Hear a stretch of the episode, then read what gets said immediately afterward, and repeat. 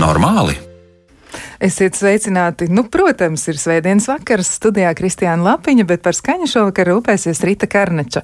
Un, protams, mēs jautāsim, vai tas ir normāli, vai tas ir normāli, ka es gribu zināt, ko dara kaimiņais sienas, vai tas ir normāli, ka lāgā nevar izlemt, uz kuru teātri izrādi doties, un vai tas ir normāli, ka uzsākot fiziskās aktivitātes es nevaru ilgi turpināt, jo pēc pāris nedēļām es tam visam gribu atmest ar roku.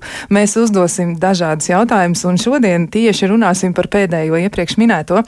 Bet aicinām jautājumus uzdot arī jūs, un sūtiet savus pārdomas, sūtiet idejas un sūtiet arī tematu piedāvājumus uz raidījumu elektronisko e-pasta adresi, vai tas ir normāli, atlatvijas radio.lv. Varat sūtīt ziņas arī Latvijas radio mājaslapā, atrodot raidījumu, vai tas ir normāls ziņojumu logu. Un atgādināšu, ka šis ir raidījums par psihiskās veselības jautājumiem un arī par dzīves kvalitāti visplašākajā tās nozīmē. Šodien raidījuma temats ir par to, kā būt fiziski aktīvam un kā saglabāt motivāciju tieši tajos brīžos, kad gribas, nu patiesi visam atmest ar roku un nedarīt vairs neko. Un tāpēc esam aicinājuši raidījumā piedalīties Ulriku Plotnieci, kur ir maratonista, mārketinga un reklāmas speciālists. Sveicināti! Sveiki, vakar. Un vēl esam aicinājuši arī sarunai pievienoties Oskaru Grīsli, kurš ir uzmanības treneris, bet ne tikai. Sveicināts, Oskar! Jā, labvakar. Nu, lūk, nu, ir tā, ka Pasaules veselības organizācija ir atzinusi, ka, lai mēs spētu pienācīgi funkcionēt, ir nepieciešams fiziskās aktivitātes. Un ir tā, ka nu, fiziskās aktivitātes Pasaules veselības organizācijas ieskatā ir jebkura veida ķermeņa kustības, ko rada skeleta muskuļi un kuru laikā tiek patērēta enerģija. Nu, tāds ļoti labs apzīmējums, gandrīz tā kā definīcija, bet šīs fiziskās aktivitātes. Um, Veselības organizācijas prāti ietver gan vingrojumus, gan citas darbības, kas saistītas ar ķermeņa kustību, piemēram, sporta spēles, pastaigas, riteņbraukšana, mājas uzkopšanas vai pat dārza darbs, peldēšana, aktīvās atpūtas pasākums un tam līdzīgi. Un tomēr būt fiziski aktīvam ilgāku laiku, lai tas tiešām nestu arī tādu nu, pamatotu, pamanāmu un nu, tādu ilglaicīgu labumu veselībai, nu, būt ilgi fiziski aktīvam tomēr ir grūti. Un uzsākt reizēm ir daudz vieglāk, bet grūti ir tās uzsāktās aktivitātes turpināt. Nu, un šodien mēs mēģinām mēģināsim izanalizēt, kādi šķēršļi varētu būt uh, mūsu ceļā, ja mēs gribam tomēr ar šīm lietām nodarboties. Un vispirms es gribētu uzdot jautājumu studijas viesiem. Un gribētu jautāt tā, ko tad jums katram nozīmē tā būšana, e, būt fiziski aktīvam? Nu, varbūt sāksim ar dāmām, sāksim ar Ulriku. E, kā tad ir? Jo tu esi, nu, tu esi arī profesionālajā sportā un, e, nu, bijusi pietiekami ilgu laiku. Nē, nē, tā to nevar teikt. Nu, es gribētu gan, gan teikt, ka, nu, varbūt ne gluži sacensībās, bet no tāda viedokļa raugoties maratons, man jau tas liekas, ka pat, pat tad, ja tu nepiedalies oficiālās sacensībās, nu, tas jau ir gandrīz kā profesionālais sports. bet, nu, nu, man liekas, ka mūsdienās jau vairs nav. Vairs nav, jā. Ja? Ļoti daudz skrien maratonus šobrīd jau, jā. Tu neesi vairs izņēmums. Nu jā, arī, ta, arī tas ir mainījies, un par to arī mazliet vēlāk parunāsim, bet. Um, Es gribētu te jautāt, nu kā ir, nu to es tiešām izvēlēsies ko tādu, kas man liekas ir milzīgs izaicinājums milzīgai cilvēku daļai. Ja? Nu, tā arī varētu teikt, gan tā, gan tā. Un kā tu pie tā nonāci? Nu, ko tad tev nozīmē būt fiziski aktīvai? Nu jā, es uh, tieši domāju, ka tā ir tāda lieta, kas uh, man, man faktiski jāpateicas maniem vecākiem. Un es tieši domāju par veselības pratību, kas šobrīd ir tāda ļoti top tēma, arī par uh, Latvijas veselības pratību, cik mēs protam vai neprotam uh, uzturēt savu veselību un vispār saprast, ko tas nozīmē. Tad man liekas, ka tas ir uh, ļoti būtiski to sākt darīt no bērnības. Un ja vecāki saviem bērniem ieliek tās fiziskās aktivitātes um, nu, tādā dienas kārtībā jau uh, agrā bērnībā, tad tas jautājums tiek nocelts no dienas kārtības, kā darīt vai nedarīt. Skaidrs, ka darīt. Un, uh, attiecīgi, uh, es no desmit gadu vecuma trenējos volejbolā, un, uh, un, uh, un kopš tā laika man vispār nav jautājumu, ka fiziski ir jākustās katru dienu. Uh, Uh, es vairs neesmu sen volejbolā, bet uh, tad es meklēju uh, citas aizraušanās, jo otra ļoti būtiskā lieta ir, lai tas, ko mēs fiziski darām, mums pašiem arī patiktu, jo tas ir tiešā veidā saistīts ar motivāciju, vai mēs to varēsim ilgstoši uzturēt vai nevarēsim. Un uh, gala rezultātā nonāca līdz orientēšanās sportam. Un brīžos, kad ir grūti orientēties, tā iemesla dēļ galva pilna ar visādām uh, domām un uh, emocijām, un tad reizēm ir vieglāk aiziet vienkārši paskriet, nevis mēģināt mežā uh, atrast vajadzīgos punktus, apmaldīties un dusmoties sevi, tad vieglāk ir nolēmu, ka tajās reizēs iešu skriet un um, finālā, finālā nonāca līdz arī maratona distancē, kas ir 42 km. 42 km. Man gribas dziļi ievilkt elpu un tad lēnām izelpot. Nu, 42 km tas ir ļoti daudz. Nu, tas patiešām nav tā vienkārši. Nu, pāriet no orientēšanās sporta, kur tu taču vari arī, nu, labi, nu, var arī izlemt, ka varbūt to distanci tu neveiksi tajā nu, iecerētajā laikā, mazliet atspiedies pret priedi, atpūties un, nu, met kaunu pie malas, nu, labi, atskrien pēdējais, ja tajā visā, bet maratons, nu, tomēr tās ir milzīgi tādas liels atšķirības. Bet tas tur arī bija interesants liekas, brīdis, kad es sapratu, ka es to varu. Jo man nebija vispār doma, ka es kādreiz varētu, varētu un gribētu skriet, un ka tas man varētu interesēt. Bet mēs ar brāli sākām pieda piedalīties uh, tādās uh, rogainingas sacensībās, kas arī ir, nu, kur pamatā ir uh, orientēšanās. Un, uh, tās sacensības ir 4, 8, 12 un pat 24 stundas garas. Un, uh, un, un viņas ir tādas strateģiskas, tur ir jāsaplāno karte, paši cilvēki izdomā, kā viņi tos punktus lasīs, un tad viņi dodas distancē, un attiecīgi 4 vai 8 vai kāda tā izvēlētā distance ir, tad viņi tur arī pavada. Un mēs pirmo reizi pieveicām 8 stundas, uh, devāmies nu, ar maizītēm un tādā pilnīgi bez jebkādas ambīcijas kaut kādus uh, sasniegt kaut kādus ārprātīgus rezultātus un pieveicām tajās 8 stundās 47 km. Kas ir tāds normāls, uh, nu, normāls temps, tas nav, visu laiku nav jāskrien, brīžiem mēs ejam, brīžiem mēs arī atpūšamies. Un tajā brīdī es sapratu, ka, ja es varu pieveikt 47 km, tad tā jau ir maratona distance un vēl 5 km. Un tajā brīdī es sapratu, ka varbūt tas maratons nemaz nav kaut kāds kosmos, un ka to varbūt var izdarīt. Un tad es pirmo reizi arī pieteicos tam pirmajam lielajam maratonam, un, protams, ne jau Rīgā, un, protams, ne jau kaut kur Valmierā vai tuvākajā apkārtnē, bet uzreiz šāva uz Ņujorku. Opa! es nenocietos, man bija kaut kas tāds jāpasaka, tas pilnīgi arī tā neviļas. Jā, un Ņujorka tevi sagaidīja, protams, ar atpastām rokām, tu tur esi, un kā tas notika, kā tu to pieredzēji? Uh, Tur atkal ir ļoti interesants stāsts, jo patiesībā um, es uh, sāku domāt, ka es varu nosiet maratonu un to pateicu savam uh, kolēģim un draugam, tādam Jānim Rungulim. Un es teicu, hei, varbūt pieskaries Ņujorkas maratonam, jo nu vienam braukt un skriet, nu nē, tas nav, tas pat nav interesanti, vajag kaut kādu interesantu procesu līdz tam, un, un to mēs nolēmām darīt gadu pirms tā maratona. Tur ir izloze, respektīvi, tur ir vairāk gribētāji nekā, uh, nekā ir iespēja visiem piedāvāt katru gadu noskriet, jo skrien apmēram 50 tūkstoši tajā laikā, un gribētāji ir, nu, es domāju, tuvu pie 100 tūkstošiem. Un mēs abi pieteicāmies izlozē, un laimīgā kārtā arī mūs abas izlozēja. Mēs varējām braukt, un tad mēs gadu gatavojāmies un uztaisījām no tā šovu. Mēs uztaisījām mājaslapu, Ulu pret Jānis, sadalījām divās daļās, katrs blogoja par to, kā iet šajos treniņu procesos, kopā trenējāmies, respektīvi pārvērtām par to visu par tādu, nu, uh, spēli, joku, kaifu, un tādu finālā mēs arī aizbraucām un arī skrējām.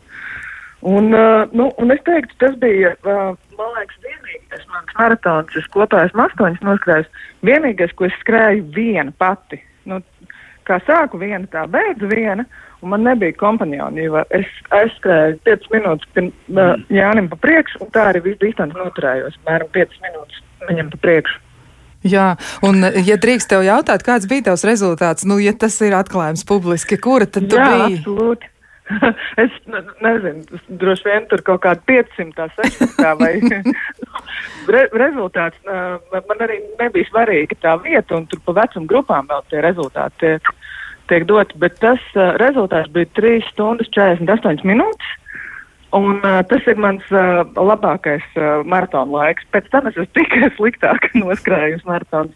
Jo es saprotu, ka man vairs nav uh, nu, tad man ir ļoti jātrenējās, ļoti jā, jāieguldās, lai, uh, lai es ietu uz rezultātu. Un patiesībā man maratonā nav svarīgs rezultāts, man ir svarīga.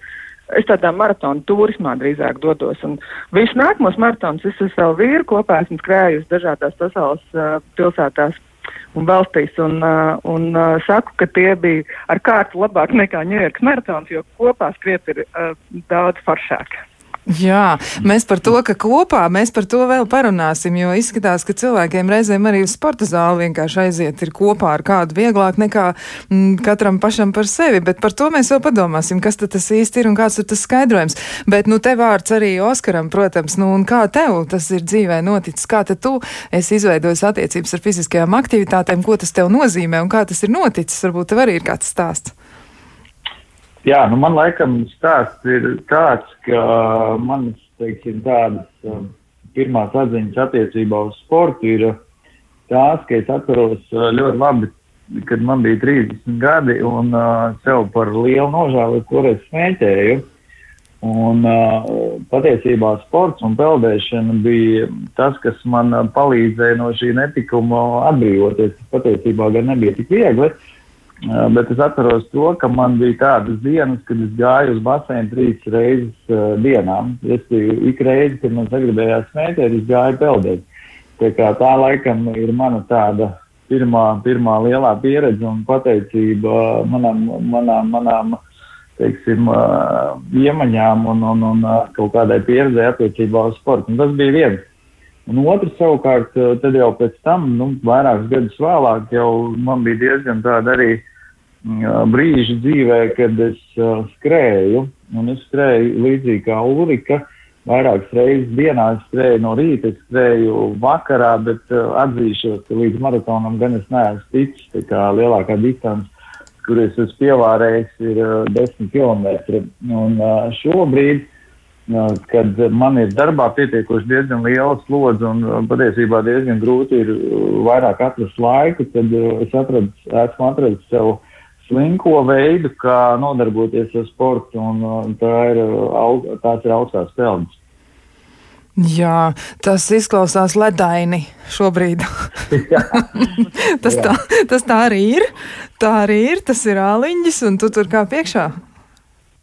Jā, nu, tā ir man, teiktu, neatņemama dzīves sastāvdaļa šobrīd, tad, kad man nepietiek laika nodarboties ar aktīvo sportu. Uh, Un jāsaka, man ir tāda īpatnība, ka es um, nemīlu runāt par sportu, bet es labāk to laiku veltu tomēr sev pastaigām, uh, skriešanai, kaut kādai pavingrošanai, jā, bet tīri ļoti orientējos tikai un vienīgi pats uz savu labizjūtu.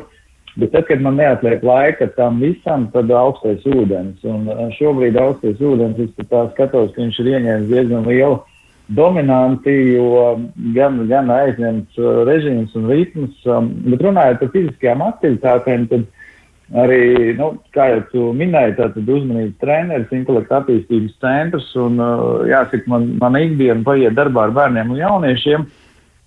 Strādājam diezgan intensīvi, nedēļas laikā, dienas laikā mums ir aptuveni 30 nodarbības, nedēļas laikā tas ir 120 kopā diezgan liela slodze, bet uh, runājot par pašām nodarbībām, tad uh, it kā mēs trenējam uzmanību, ja kognitīvās spējas, nu, atmiņu ātrosīšanu, bet katra mūsu nodarbība sākas ar fiziskajām aktivitātēm. Tie ir speciāli vingrinājumi, lielā motorika, mazā motorika, tā saucamie bilaterālie, ja, līdz ar to vingrošana, vingrošana un tikai vingrošana ir tā, kas mūs uh, padara tādus, um, teiksim, gan fiziski uh, labi mēs jūtamies, gan mentāli, un, protams, arī kognitīvo spēju trenēšanai kustība ir ļoti svarīga. Jā, nu tas mans jautājums arī varētu būt, ko es varētu uzdot nākamo. Nu, tieši kā tas strādā, jā, jo, ja tu saki, ka nu, tas darbojas ļoti labi bērniem un jauniešiem, nu, tas principā strādā jebkurā vecuma grupā. Nu, kas ir tas ieguvums? Jo es arī atklāšu, ka gan Oskars, gan arī Ulrika, abi divi ir arī pamatā studējuši psiholoģiju un, nu, nav ar, ar, ar pīpu uz jumta, jā, viņi zina, par ko viņi runā. Un tad, eh, nu, kas ir tas, Oskar, tad eh, jautājums tev, nu, kā tad šī sakarība varētu strādāt? Kas ir tas, ko tu varbūt, eh, nu, varētu pastāstīt klausītājiem, kā tas darbojas, ja tā fiziskā aktivitāte ietekmē, nu, kaut vai, piemēram, spēju koncentrēt uzmanību, jau vai tik galā ar spriedzi. Jā. Jā. Nu šobrīd uh, pat patiesībā ir ļoti daudz pētījumu par to, ka cik svarīgi ir fiziskā kustība, cik svarīgi ir tieši smadzenīšu attīstīšana, kas, kas vairāk atbildīgi par līdzsvaru un smadzenītes, mēs domājam, respektīvi kā smadzeņu sastāvdaļu, jā, un ja mēs zinām, ka mūsu smadzenes ir ļoti bagāts resurs, ir aptuveni 100 miljardi eiro, un tad lielākā daļa no viņiem, aptuveni 70-80%, ir tieši mūsu mazajās smadzenītēs. Ja? Un, uh, kuras atbild par līdzsvaru, kuras atbild par lielo motoriku un uh, kaut, kādā, kaut kādā ziņā, tāpēc ir ļoti svarīgi tieši uh, bērniem, jauniešiem attīstīt gan šo, nu, varbūt kļūdēm, būs teikt, tā saucamo dziļo muskultūru, ja, Bet ļoti svarīgi ir attīstīt um, viņiem līdzsvaru izjūtu, koordināciju. Tas ir ļoti tiešām svarīgi arī kognitīvām spējām. Un uh, vispār nerunājot par to neiroķīmiju, kas tiek izdalīta tajā brīdī, kad mēs mācāmies. Jo kļūdaini ir uzskatīt, ka mēs, nu ne kļūdaini, bet varbūt nedaudz neprecīzi, ka mēs, uh, nu kā mēs esam pieraduši runāt par mācīšanos, ka mēs kā vairāk akadēmiskās šīs zināšanas, jā, un kaut kādas prasmes un spējas um, ikdienā, ja, bet patiesībā uh, liela daļa mūsu mācīšanās procesa notiek tieši caur jaunām iemaņām, caur jaunām praks, prasmēm, praksēm, ja, kas ir kustība. Tāpēc ļoti svarīgi ir savā dzīvē neapstāties, pēc iespējas vairāk mācīties, pēc iespējas vairāk mācīt kustēties, mācīties jaunas kustības, un neatkarīgi vai tā ir dejošana, vai tā ir skriešana, vai tas ir hokejs vai kāda veida sporta veids, tas noteikti nāks pa labu, īpaši ņemot vērā bērnu un jauniešu attīstību, jā, jo līdz 25 gadu vecumam viņiem attīstās šīs smadzenes, jā, un, un, un neiroplasticitāte ir ļoti augstā līmenī, tas savukārt pēc tam jau paliekot vecākiem mums ir ļoti grūti iemācīties, jā, un, pēc būtības, jo vairāk mēs šajā bērnā vai jaunietī ieliekam līdz 25 gadu vecumam, jo spēcīgāks resurss viņam ir pēc tam nākotnē šīs visas iemaņas prasmes izmantot. Un, un, un, nu, ja, ja man pajautā tālāk, to, to uzskatu, kas tad ir īstā ģēnija pamatā, ja, tad pēc būtības tas mans redzējums ir tieši spēja izmantot nu, tādu multidisciplināru pieeju, ja, bet nu, tas būtu jau tāds tāds, tāds vairāk jau tāds novirzies no mūsu šīsdienas tēmas. Jā, bet nu skaidrs ir viens, ka akadēmiskie sasniegumi arī uzlabojas. Tad, ja cilvēki ir fiziski aktīvi, to ir pierādījuši diezgan daudz pētījumu, ka tas noteikti palīdz, un tas palīdz acīm redzot izmantot tās apgūtās iemaņas. Nu, rekā klausītāji arī iesaistās un raksta ļoti jauks komentārus. Nu, viens no tiem ir tāds labs vakars, brīnišķīgs temats. Manas pieredzes stāsts ar aktīvo sportu nenodarbojas, bet nu jau divus gadus gandrīz katru dienu ātrā solī mežā nostaigāju no 8 līdz 11 km kilometriem un ar vingrošanu. Man liekas, ka tie ir 11 km, bet varbūt, ka vairāk es pārbaudīšu. Ā, no 8 līdz 10. Nu, es mazliet pieliku vēl vienu klāt, bet tas nekas. Un e, klausītāja raksta, ka strādā ļoti labi. Ieguvums labsajūtai izcils gan ikdienā, gan arī stresa noturībā, īpaši šajā laikā. Nu, rekā, un te es gribētu jautāt arī Ulrikai un iesaistīt Ulriku sarunā vēlreiz un uh, apvaicāties, bet kā tad ir ar to stresa noturību? Vai, piemēram, tu pie sevis esi pamanījis, ka tad, kad tu sāk skriet maratonus, tu kļūsi tāda rāmāka un labāk spēja pārvaldīt spriedzi? Kā notika ar tevi un ko tu vispār par to domā? Mm, es noteikti piekrītu, ka tā ir nu, tāda, es teiktu, ka skriešana vai iešana ir ļoti laba stresa izvadīšana. Uh, jo, nu, kas, ko, ko, ko dara stress un ko dara tādas, nu, trauksmes, dusmas, tas viss ceļ augšā kortizolu, adrenalīnu un tiem hormoniem kaut kur jāliekās. Un, ja mēs nekur viņus neliekam, viņi reāli dedzina mums iekšā visu mūsu organismu, vienkārši ārda tur. Uh, un savukārt tajā brīdī, kad mēs ejam uh, un kustamies, mēs viņus vienkārši smuki dabonam ārā, ja tā var izteikties. Un attiecīgi man bieži vien ir bijis tā, ka es, uh, nezinu, atnāku no darba uzvilkusies par kaut kādu tēmu un forši uzvelku kēdes, uh, saģērbjos, eju un uh, vienkārši izrunāju savā galvā to visu skrienot ārā. Uh, atskrien atpakaļ laimīgi, vienkārši sakārtos domas, uz visiem iedvesmosies, uh, nosportojusies un uh, vienkārši tiešām, tiešām dabūjusi ārā visu to nevajadzīgo un dabūjusi atpakaļ nu, tos saucamos endorfīnus un laimes hormonus, ko rada fiziskas aktivitātes. Tā kā es absolūti piekrītu, ka tā uh, sports ļoti, ļoti labi palīdz tikt galā ar šīm stresa situācijām. Jā, nu rekā, bet nu, mums ir arī pilnīgi skaidrs, ka šobrīd pandēmija ļoti būtiski ietekmēs cilvēkus un arī tās dzīves pārmaiņas, vai arī tādas, nu, tādas lietas, par kurām mēs iepriekš nenojautām. Nu, kaut vai, piemēram, tāds attiecības saspīlējums, kas reizēm rodas tā iemesla dēļ, ka mainās dzīves ritms un kāds ir vairāk mājās, un mēs nemākam būt ar to, kad ir vairāk mājās cilvēki, vai arī bērni mācās blakus istabās, un, un uh, daudz kas ir citādi, un jātiek ar to ir galā, un vienlaiks arī ir jāmēģina tajā visā ielikt vai saglabāt sportiskās aktivitātes aktivitātes un plus vēl dažādi veidi ierobežojumi brīžam.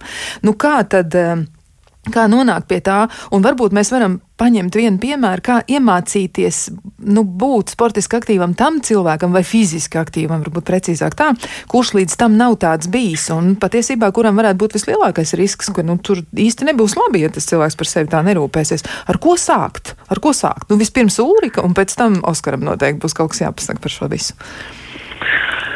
Um, jā, nu pandēmija pārmaiņas ieviesas visnotaļ, un, un man liekas, katrs cilvēks to izjūt um, savā dzīvē, daži ir sākuši aktīvāk sportot, un daži ir nometuši sporta pie malas, un uh, daži ieviesuši jaunus uh, rituālus. Bet vispār, lai sāktu, uh, it īpaši tā apziņa ir, ka kaut kas jādara lietas labā, tad es teiktu, ka ir uh, jāsāk ar to, ka ir jāsaprot, uh, pirmkārt, kas man patīk ko man patiktu fiziski darīt, staigāt, skriet, nezinu, iet uz zāli, braukt ar riteni, spēlēt tenisu, spošu. Nu, respektīvi, tas piedāvājums pietiekami plašs. Uh, un otrs ir jāsaprot, kāpēc es to daru. Nu, vai, vai es gribu labi izskatīties spogulī, vai man ir vienkārši uzskats, ka tā fiziskā aktivitāte palīdzēs man vairot manu labizjūtu, vai es to daru vienkārši tāpēc, ka tā ir pareizi, un tā visdrīzāk nebūs ilg, ilgtermiņa motivācija, kas to noturēs. Um, Nu, respektīvi, jā, kas ir tā, ka, kāpēc es to daru? Jo tam ir ļoti, ļoti liela nozīme. Tieši vakar ar draugiem runāju par fiziskām aktivitātēm, un viņi teica, es pirmo reizi esmu sapratusi, ka es to daru tā veselīgi, nevis cenšoties, nezinu, es gribu tagad rezultātu, es piecas reizes nedēļā eju uz trenižera zāli, izsmeļu sevi, e, un pēc divām nedēļām es vairs nevaru pakustēties, un es metu visu pie malas. Jo es nevaru sasniegt to re, nu, rezultātu, vai arī man viss ir līdz kliņķim. Ja? Un tā ir tāda neveselīga lekšana iekšā. Tagad es dzīvošu un, un, un parādīšu sev, ka es te varu liels pārmaiņas savā dzīvē ieviest. Ja? Nu, to svarīgi arī tādu pakāpeniskumu uh, veidot un pieradumu un kādu rituālu. Tāpat kā maziem bērniem tas strādā, es domāju, arī pieaugušiem tas strādā. Regularitāte, rituāls, uh, kā mēs to darām, un, uh, un arī motivācija, kāpēc es to daru. Un tad jau uh, tam vajadzētu kļūt par tādu um, foršu ieradumu, bez kā patiesībā, ja cilvēks jūtas labi pēc tam, viņš uh, agri vai vēlu izlaižot kaut ko sapratīs, bet man kaut kas trūkst, man, man vajag iziet ārā pastaigāt, man vajag aiziet paskriet, jo pēc tam taču ir forši. Jā, tā sajūta ir tāds atalgojums. Var teikt, ka tā arī strādā. Ja, tad tā piepūles un atalgojuma sistēma, kas arī droši vien ir hormonālajā līmenī. Bet eh, ko Oskars varētu par to piebilst? Nu, kā tad ir? Kā, kā sākt cilvēkam, kā tad viņam izveidot to veselīgo ieradumu? Un vēl arī, nu, cik ir zināms no pētījumiem, un kādreiz bija tāds pieņēmums, ka pietiek ar četrām nedēļām kaut ko darīt, un tad jau ieradums ir izveidojies. Un tomēr izskatās, ka pētījumi apliecina kaut ko citu, ka cilvēkam, lai viņš izveidotu jaunu ieradumu, ir vajadzīgs daudz, daudz ilgāks laiks. Nu, ko tu teiksi par to? Kā tad sākt? Jā, nu, pilnībā piekritīšu Ūrikai, un tas, ko noteikti es varu ieteikt um, klausītājiem, kuriem ir tāda interese vispār par ieradumiem, tad izlasīt divas grāmatas. Viena būtu Džeims Klīra atomiskie ieradumi, un otra, kas patiesībā bija uzrakstīta iepriekš, Čārlza Dukiga par ieраdumu spēku. Šīs abas divas grāmatas ļoti labi apraksta par to, kā mēs veidojam ieradumus, kas ir mūsu ieradumu pamatā, un noteikti varu piekrist, ka pirmām kārtām ir jāsajūt, nu, vispār, ko tu īsti gribi darīt, ja, un otrs noteikti, kāpēc. Un trešais ir jāsāk, vienkārši ir jāsāk darīt. Ja? Mūsdienās eh, tā mūsu lielākā problēma ir tā, ka mēs eh, visi esam ļoti labi informēti. Mēs visi zinām, kas ir veselīga dzīvesveida pamatā. Mēs zinām, kas mums ir jādara, mums ir jāgaļ, mums ir jāsteigā, mums ir veselīgi jāēd. Bet, diemžēl, kaut kā nu, dzīve parāda to, ka īsti mums tas tā kā neizdodas. Ja? Mēs ļoti esam zinoši, bet ļoti maz uh, daroši. Līdz ar to ja tieši šo pirmo soļu uh, spēršana, es domāju, ka viņi ir svarīga. Bet, protams, katrs no mums ir bijis situācijā, kad mēs nopērkam jaunas um, krosenes vai kādu sporta tērpu vai kādu santelīti. Uh, Un, un tā viņa arī paliek, vai ne? Un tā mēs viņu arī neizmantojam. Un tas atkal ir nākamais fenomens, ka arī atsevišķos gadījumos tas ir tā kā par maz. Un uh, tas, ko es noteikti pats savā ikdienā ļoti, ļoti piekopju, es uh, domāju par vidi. Es domāju par tiem cilvēkiem, kas man ir apkārt, jo vide ir tiešām tas palīdzošais mehānisms. Kas tajā brīdī, kad tev pietrūks spēka, tad vide, draugi, līdzīgi domājošie ir tie, kas tev palīdz. Un, uh, tas, ko mēs uh, bieži vien novērojam, un arī noteikti tūlīt jau pēc divām nedēļām, es domāju, novērosim vēl aktīvāk, ka sākoties jaunajam gadam, sporta zāles ir piepildītas, brīžiem pat pārpildītas. Es nezinu, kāda ir šobrīd aktuālā situācija.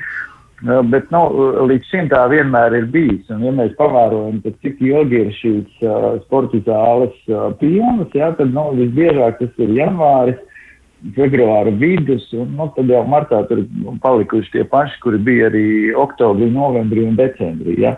Tātad noteikti stāsts ir par to, ka ar 20, 30 dienām ievedumu veidošanai uh, nepietiek, bet es gribētu varbūt nedaudz ieslīgt arī teorijā par, par Uhtomski, ja, kurš 20.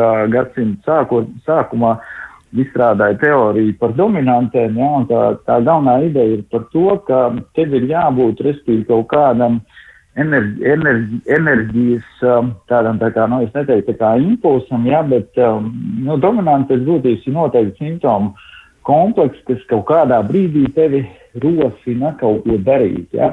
Un uh, tad ir tas uzdevums, kā tu vari šo dominantu kāpināt, jā, un uh, šie instrumenti patiesībā ļoti vienkārši. Pirmkārt, interesēties, izdzīvoties šajā jomā, meklēt līdzīgi domājošos, apvienoties ar viņiem, un kaut kādā brīdī tas noteikti tev palīdzēs. Jo tad, kad tev nebūs spēku pašam, tad, kad tev nebūs resursi pašam, noteikti tev būs kāds tavs draugs, paziņa vai cilvēks, kas tev vienkārši iedvesmo. Un viņš pasaka, klausies, nu nesēd mājās, ejam skriet, ejam darīt. Un, un es pats ar savu piemēru esmu ļoti salīdzinoši daudz cilvēkus um, ievilcis augstajās peldēs un kaut kādā aktīvā dzīvesveidā. Ja? Un es uzskatu, ka tas ir jādara, jo mūsdienās nu, tā ir viena liela problēma. Mēs visi zinām, ja? mēs esam ļoti izglītoti, bet mēs ļoti maz darām. Tikai, nu, tā, laikam. Jā, nu, tas, ir, tas ir par to darīšanu. Bet nu, izskatās, ka mums vēl ir diezgan daudz jautājumu jāapspriež, bet to mēs darīsim tūlīt pēc īsa brīža.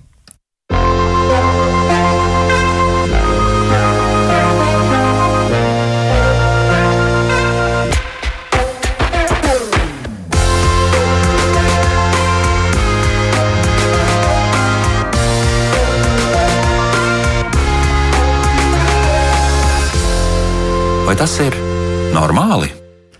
Mēs turpinām sarunu par to, kā būt fiziski aktīviem un kā saglabāt motivāciju tajos brīžos, kad gribas vēst, mest visu pie malas un negribas kāpt ārā no tās iesildītās vietas gultā un uh, nemaz negribas domāt ne par sporta zāli, ne par mežu, ne par skriešanu, ne par krosenēm, kas stāv kaut kur garāžas stūrī.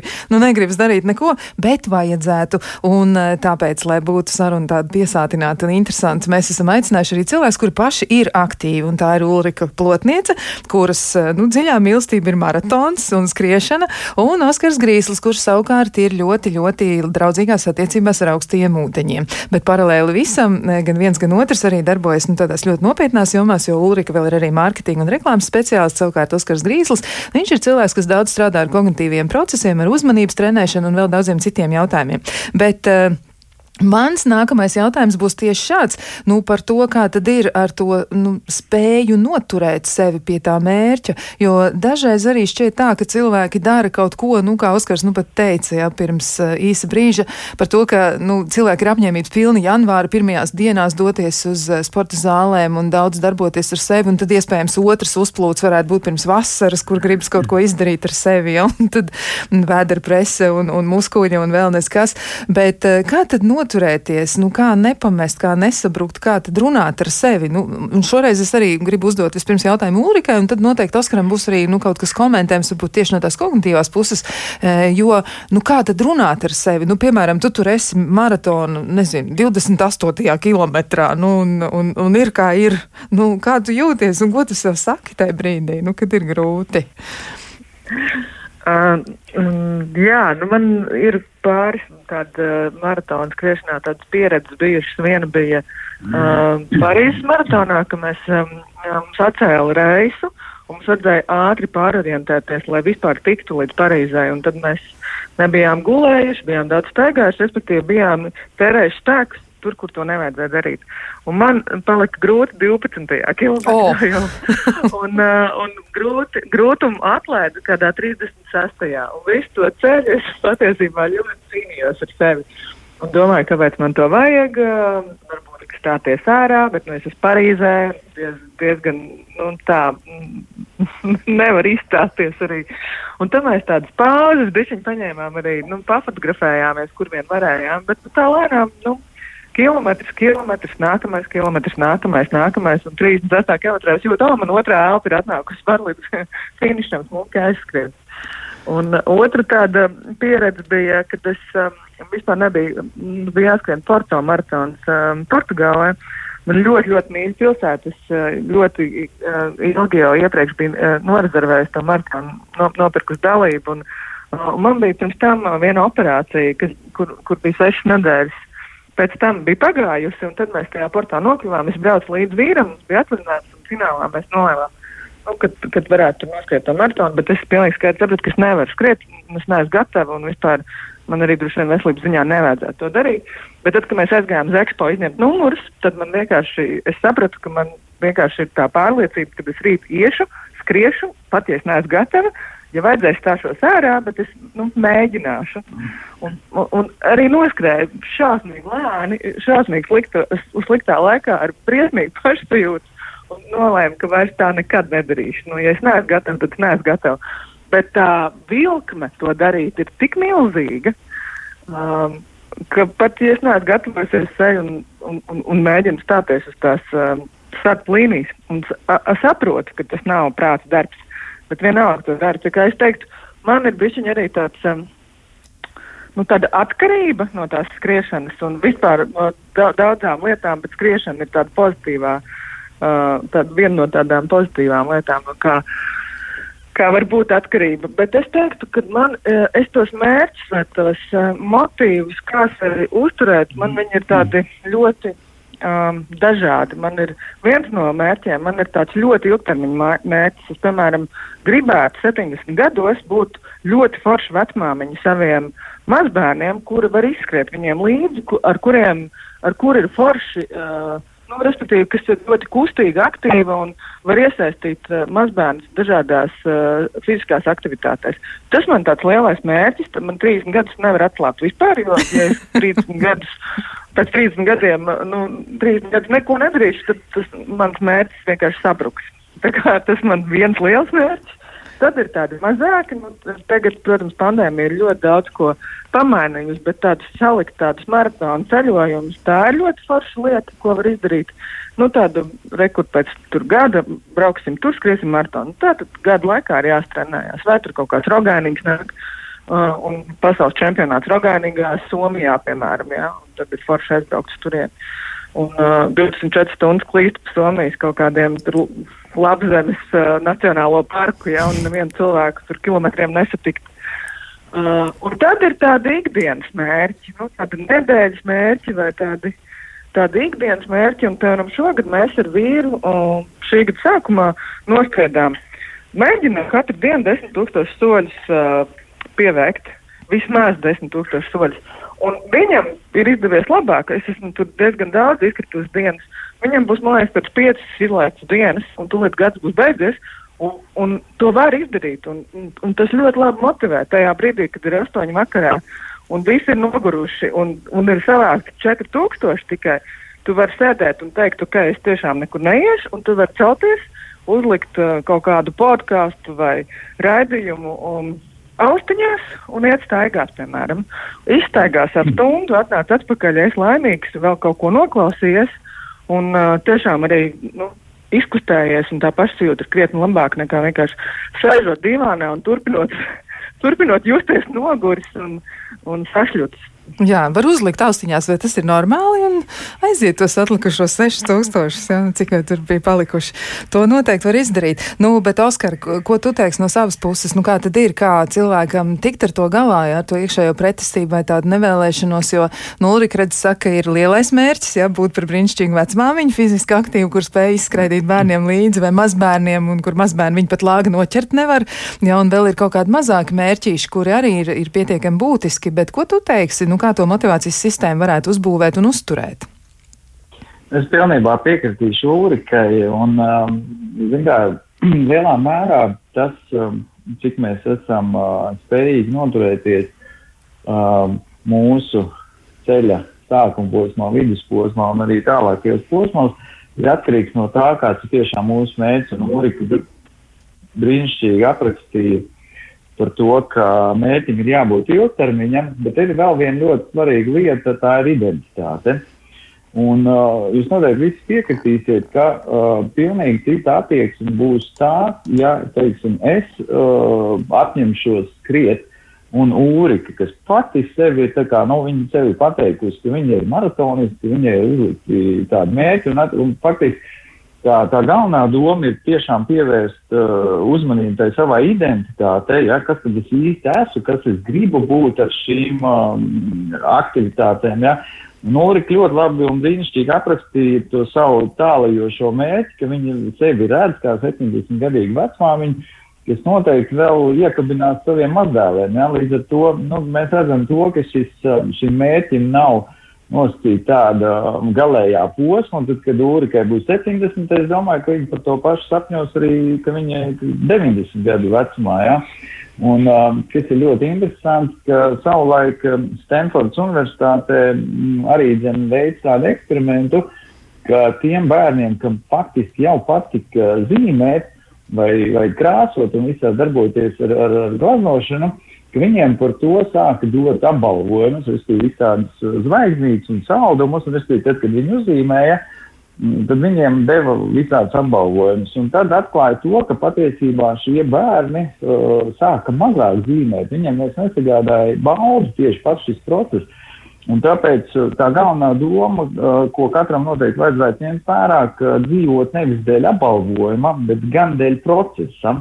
Un uh, par to, ka cenšanās pati par sevi ir gala mērķis un ka mums ir sāpīgi momenti, mums ir jākļūdās, mums ir jāpiedzīvo kaut kādā mērā ciešanas, bet tieši šī cenšanās, un tad, kad mēs darām, un mums varbūt tik labi neizdodas, mums ir jāpieplūst, tas ir tas gala mērķis, kā vispār ir vērts dzīvot, un, un, un tas ir tas, kas mums sniedz baudu, nevis šis fināls, jā, jo noteikti katrs ir piedzīvojis to, arī noteikti piedaloties kādās sacensībās vai izvirzot kādu tādu mērķi, tik līdz mēs viņu sasniedzam, um, mēs neesam laimīgi.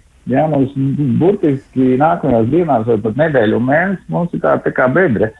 Līdz ar to tas ieteikums ir tiešām plānot ilgtermiņā, neapmierināties ar to, ka un ne, nemierināt sevi, ka 30, 45, 60 un pat 90 dienu laikā izveidojas noturīgs ieradums.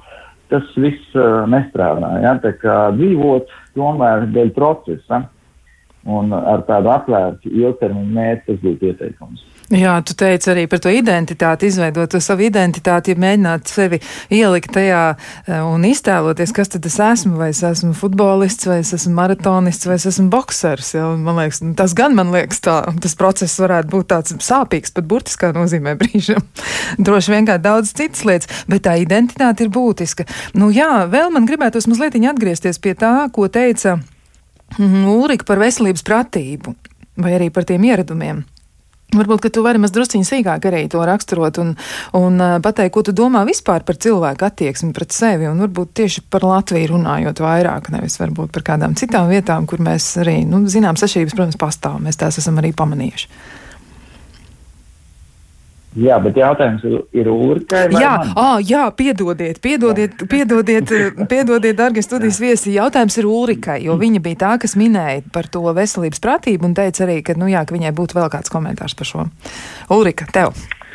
Jā, nē, nu es to klausījos vienkārši uzķēru, tad, kad uh, bija uh, diskusija par uh, to, kāpēc Latvijā tik maz cilvēku vakcinējas un uh, uh, Un kas ir cēloņi un kur viņi meklējami un, uh, un uh, attiecīgi, un tas viss uh, finālā nonāca līdz veselības pratībai, um, ka patiesībā jau tādā ikdienā uzturēt sevi um, pie labas veselības, kas nozīmē uh, domāt par to, ko mēs ēdam, domāt par to, kā mēs uh, sabalansējam uh, darbu uh, ar atpūtu, uh, domās par to, mē, ka, cik mēs daudz guļam, kā mēs uh, mazinam kaut kādas stresus, uh, domāt par to, ka mēs pārbaudām veselību. Jo tas, kas manī fascinē, ka cilvēki ļoti daudz argumentē, ka viņiem, viņi ir brīnišķīgi, viņi ir veseli un viņi pie ārsta neiet.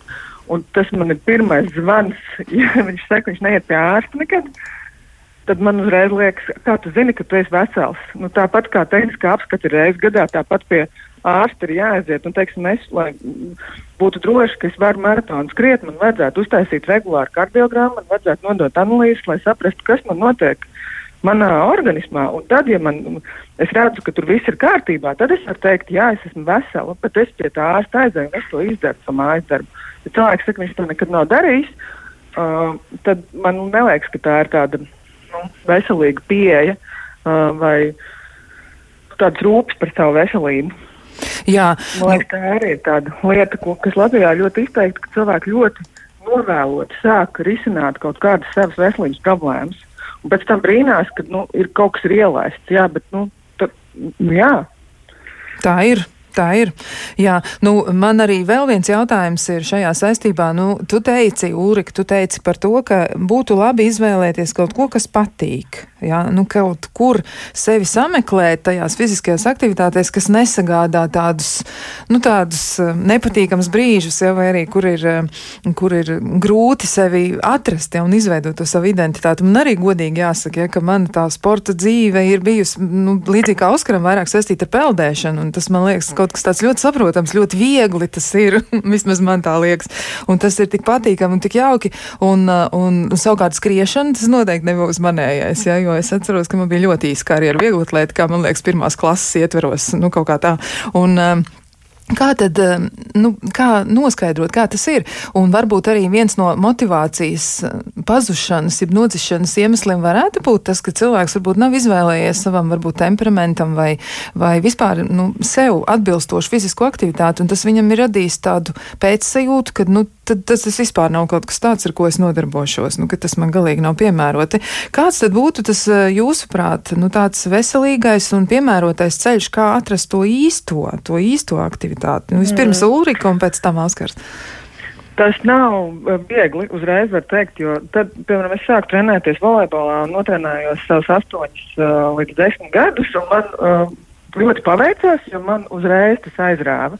Un es uh, atceros, man bija treniņi piecreiz nedēļā, nedēļas nogalēs sacensības, un man vispār nebija uh, grūti uz turieni iet un trenēties. Es gaidīju vasarā nometnes, jo man tas tiešām aizrāva no visas sirds. Un tad, kad es gan dabūju nu, traumu un uh, nevarēju vairs uh, nu, tādā līmenī trenēties, kā es gribēju, es jau biju sev liels plāns. Uzlikusi, ka es būšu profesionāla volejbolista un droši vien spēlēšu kādā Itālijas klubā, bet tas viss man uh, sabruka un saīra un, un droši vien labi vien tā, jo nu, profesionāls sports ļoti nodara kaitējumu arī veselībai. Un, attiecīgi, pēc tam man pagāja, nu, es nepārspīlēšu, kādi 3, 4, 5 gadi, kamēr es atradu savu nākamo aizraušanos, kas bija orientēšanās sākotnēji. Es mēģināju visus sporta klubus, visas, uh, visas uh, kaut kādus stepus un bodybaikus un uh, tenisā gāju divus gadus, skvošu pamēģināju, visu kaut ko es mēģināju. Es vienkārši gāju konsekventi, mēģināju dažādas lietas mēģināju saprast, kas man patīk, vai kas man ievelk tā, lai man nebūtu vispār jautājums, ka es gribu to darīt. Un nekas no tā ne, nestrādāja. Es visu pametu. Un tad es pilnīgi nejauši nonācu uh, šajā orientēšanās uh, sportā mežā. Viena pati tur cīnījos ar saviem punktiem, kurus nevarēju atrast, un tad es pielaidu tur kaut kādus pirmos 4-5 kilometrus. Un, uh, un tad es sapratu, jā, šī ir tā lieta. Es, jo tad, kad es sāku to darīt, bija vēla vasara. Un, uh, es braucu uz magnētiem, un, un tā, tas tie pasākumi notika. Viņi pārgāja no tāda vasaras režīma uz ziemas režīmu, kas bija sestdienās, svētdienās. Un es burtiski dzīvoju no sestdienas svētdienu, nu, nu, darba nedēļu, gaidīju, kad pienāks sestdienas svētdiena, lai varētu atkal tur braukt un atkal to darīt. Un tad es sapratu, šī ir īstā lieta. Un tas bija arī laiks, kad es sāku sportot visu cauru gadu. Un tajā brīdī man beidzās jebkāda bronhīta, jebkādas uh, saslimšanas uh, ar klepu, nu, dažādi, dažādi veidi, ne tikai bronhīta, bet arī kaut kāda stresa klepa un vispārējā, kas man bija tāda divreiz gadā tipiska lieta. Un fakt, faktiski, kad es sāku uh, sportot visu caur gadu, es no tā visa atvadījos. Nu, rekā, tā tad imūnsistēma arī ļoti, ļoti pateicīga tev ir un vispār organisms kopumā ir daudz ieguvis. Jā, nu, jā, bet, bet jā. tas ceļš nav bijis viegls. Un redz, kā tas prasīja vairākus gadus. Tavā gadījumā tas nebija nemaz tik ātri. Nu, varbūt tieši tā arī ir jādara arī klausītājiem. Tad ir jāmēģina nu, viens, otrs, trešais aktivitātes veids, kamēr beidzot jūs atrodat to, kur tad jūs jūtaties labi. Vai tas bija tas, kas noteica to, ka tu izvēlējies orientēšanos? Nu, tu teici, ka tu gaidīji tās sestdienas, svētdienas, nu tad tu to kaut kā mhm. sajūti, laikam, jā. Ja? Absolūti, es domāju, jo es vēl esmu tāda tipa cilvēks, kam tā aizrautība ir ļoti, ļoti būtiska. Ja mani kaut kas neaizrauja, nu tad, uh, tad es agri vai vēlu tam metīšu mieru. Un, un, un man ir ļoti svarīgi sajust to aizrautību, jo, jo tad tam ir pilnīgi cita jauda vispār tam, ko es daru. Un, un tāpēc man arī bija ļoti svarīgi atrast to kaut kādu savu nākamo lietu, kas tas varētu būt. Uh, un varbūt tās vispār ir idejas kādam, un viņš vispār prātā viņam nu ienācis, ka viņš var nevis iet uz sporta klubu, bet atrast kaut kādu grupiņu un ar, kopā ar vēl cilvēkiem kopā vienkārši dejot. Vai tagad es zinu, zumba ļoti daudzām meitenēm ir nu, tāds uh, jaunais trends, kur, kur viņas ir atradušas sevi. Tā kā tās variācijas ir ļoti dažādas, un vienkārši es ieteiktu meklēt, jā, mēģināt visu pēc kārtas un just, kas ir tas, kas, kas nu, aizkustina to sirsniņu. Un, un kur gribās atgriezties? Kur gribās atgriezties, tas ir viens ļoti labs kriterijs. Oskar, nu, ko tu piebildīsi, kā tur ir? Jā, nu es laikam piebildīšu to, ka dari visu to, kas tev sagādā prieku, sagādā prieku, baudu.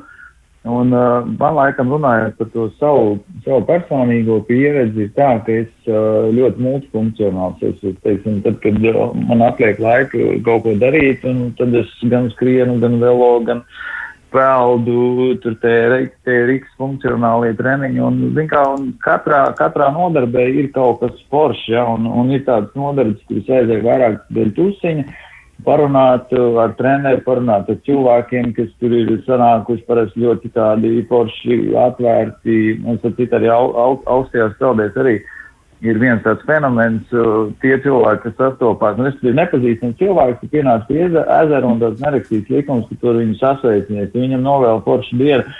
Tā ir tāda emocija, emocija tāda forša apmaiņa, un tu no tā noteikti gūsti tādu papildus, papildus baudu. Uh, Un uh, kaut kādā brīdī varbūt tas kļūst jau mazsvarīgi, ko tu, ko tu dari. Ja? Jo es saucu, es esmu gana sociāls dzīvnieks, man patīk sabiedrība, man patīk cilvēki. Nevienmēr, ja? man arī tikpat labi es arī vien, vienpatībā pavadu laiku, bet uh, tomēr man patīk, ja man patīk forši, forši, forši vide, forši paplāpāt ar cilvēkiem, un, un, un parasti ir ļoti motivēti un aktīvi. Un, dzīvespriecīgi, nu, kā jau sportisti. Ja, un, un, un, nu, īsumā dari visu, kas tev sagādā prieku, dari jaunas lietas, pēc iespējas vairāk. Arī mans laikam šī gada nu, noslēguma atklājums uh, bija padala tenis, kas ir arī savukārt tenis paveic ļoti interesants.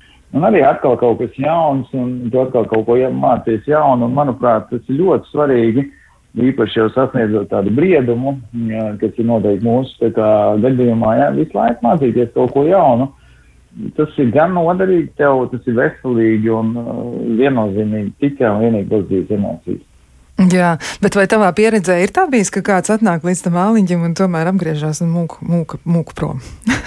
Saka, nē, nekāds. nē, kā, nu, lai, nē, ir bijis, ir bijis, jā, ir bijis tā, ka, nu, nevis tā, ka, nu, nu, nu bet, jā, nu, bet, nu, nav, teiksim, tur vējš liels, jā, vai, vai, nu, tā kā sajūtās, ka nevajag, nu, tad arī nevajag, un uh, atkal man ir bijis ļoti daudz tādu piemēru, kas ir uh, manas paša ģimenē, jā, kad uh, sāk, sākām mēs visu to, kad, uh, 1. janvāra rītā mēs ar sievu gājām nu, tajā vietā, kur dzīvo RSP Ozolnē, Ozolnē kazās, un es iedomājos par to, ka es neesmu peldējies uz jauno gadu. Es biju peldējies aprīlī, maijā, ja, bet es nebiju peldējies jaunajā gadā. Nu, tā, 1. janvārī, un mēs gājām, un es vienkārši, es gribu nopeldēties. Ja. Es nopeldējos, un viss bija forši, un, un man ļoti tas patika, aizrāva, un es turpināju. Un tad kaut kādā brīdī sieva sāk nākt eh, līdzi ar mani. Ja, pagāja aptuveni 2-3 mēneši, un viņa tā kā vienkārši nāca līdzi. Un tas viss beidzās ar to, ka sieva šobrīd brīžiem pat uh, vēl biežāk nekā es uh, iet uh, uz austrumu peldēm. Un, laikam jau tas lielais pārsteigums bija, ka tad, kad mēs gājām ar visu ģimeni kopā, un bērni vienkārši man ir trīs puikas, viena meita, nu, puikas un tādi aktīvāki, 9, 11 gadi, un, un, un kaut kādā brīdī arī viņi sāk gan peldēt, gan, gan, gan teiksim, nu, tā kā jā, nu, tas, tas kaut kā pielīt, jā, tāpēc ir svarīgs uh, paraugs, ir svarīgs piemērs Un tāpēc es uh, nekautrējos savus arī sportiskās aktivitātes, viņām stāstīt, kaut ko nopublicēt. Tādā veidā, un uh, ir daudz cilvēku, kas man stāstījuši, redz, cik forši, jā, es, nu, es tā kā paskatos, redz, cik, cik, cik to dara, cik ir šo. Jā, un viņiem rodas interesi, un viņi iesaistās un gūst gal galā no tā gan labumu sev, gan arī, nu, veselībai cilvēkam. Tā kā tas tā īsumā. Jā, nu tas ir lieliski. Jums abiem diviem ir lieliski piemēri par to, kā tad pārvarēt nu, tos grūtos brīžus un arī kā motivēt sevi. Un arī ceļš ir bijis kaut arī katram atšķirīgs, tomēr ir novedis pie tā, ka jūs esat varējuši atrast sevi sportiskajās un fiziskajās aktivitātēs. Nu, ko nu man šajā brīdī jāsaka liels paldies Ulrikai Plotniecei, maratonistei, mārketinga un reklāmas speciālistei un arī Oskaram Grīslim, kurš ir uzmanības treneris un kognitīvo procesu jomas eksperts, varbūt teiksim tā. Un uh, vēl arī, nu, klausītājiem es gribētu atgādināt, ka jūs varat klausīties arī podkāstus, ne tikai šo raidījumu. Raidījumu noteikti jūs varat noklausīties arī atkārtojumā, sameklējot, ne, patiesībā ne atkārtojumā, bet arhīvā jūs varēsiet to atrast uh, un noklausīties caur uh, Latvijas sabiedrisko mēdīju mājaslapu vai arī Izmantojot Latvijas rādio mājaslapu, noteikti ļoti viegli var to atrast, un arī podkāstus. Podkāsti ir ar šādu pašu nosaukumu, vai tas ir normāli, ļoti dažādi temati un ļoti, ļoti interesanti un aizraujoši cilvēki. Bet klausītājiem eh, no savas puses es novēlēšu, nu mēģiniet atrast to savu identitāti. Kas to zina, kas jūs esat? Futbolists, maratonists vai varbūt skvoša meistars. Lai nu kā, meklējiet sevi, un es ceru, ka jums izdosies atrast. Lai jauka nedēļa, un tiekamies atkal pēc kāda laiciņa.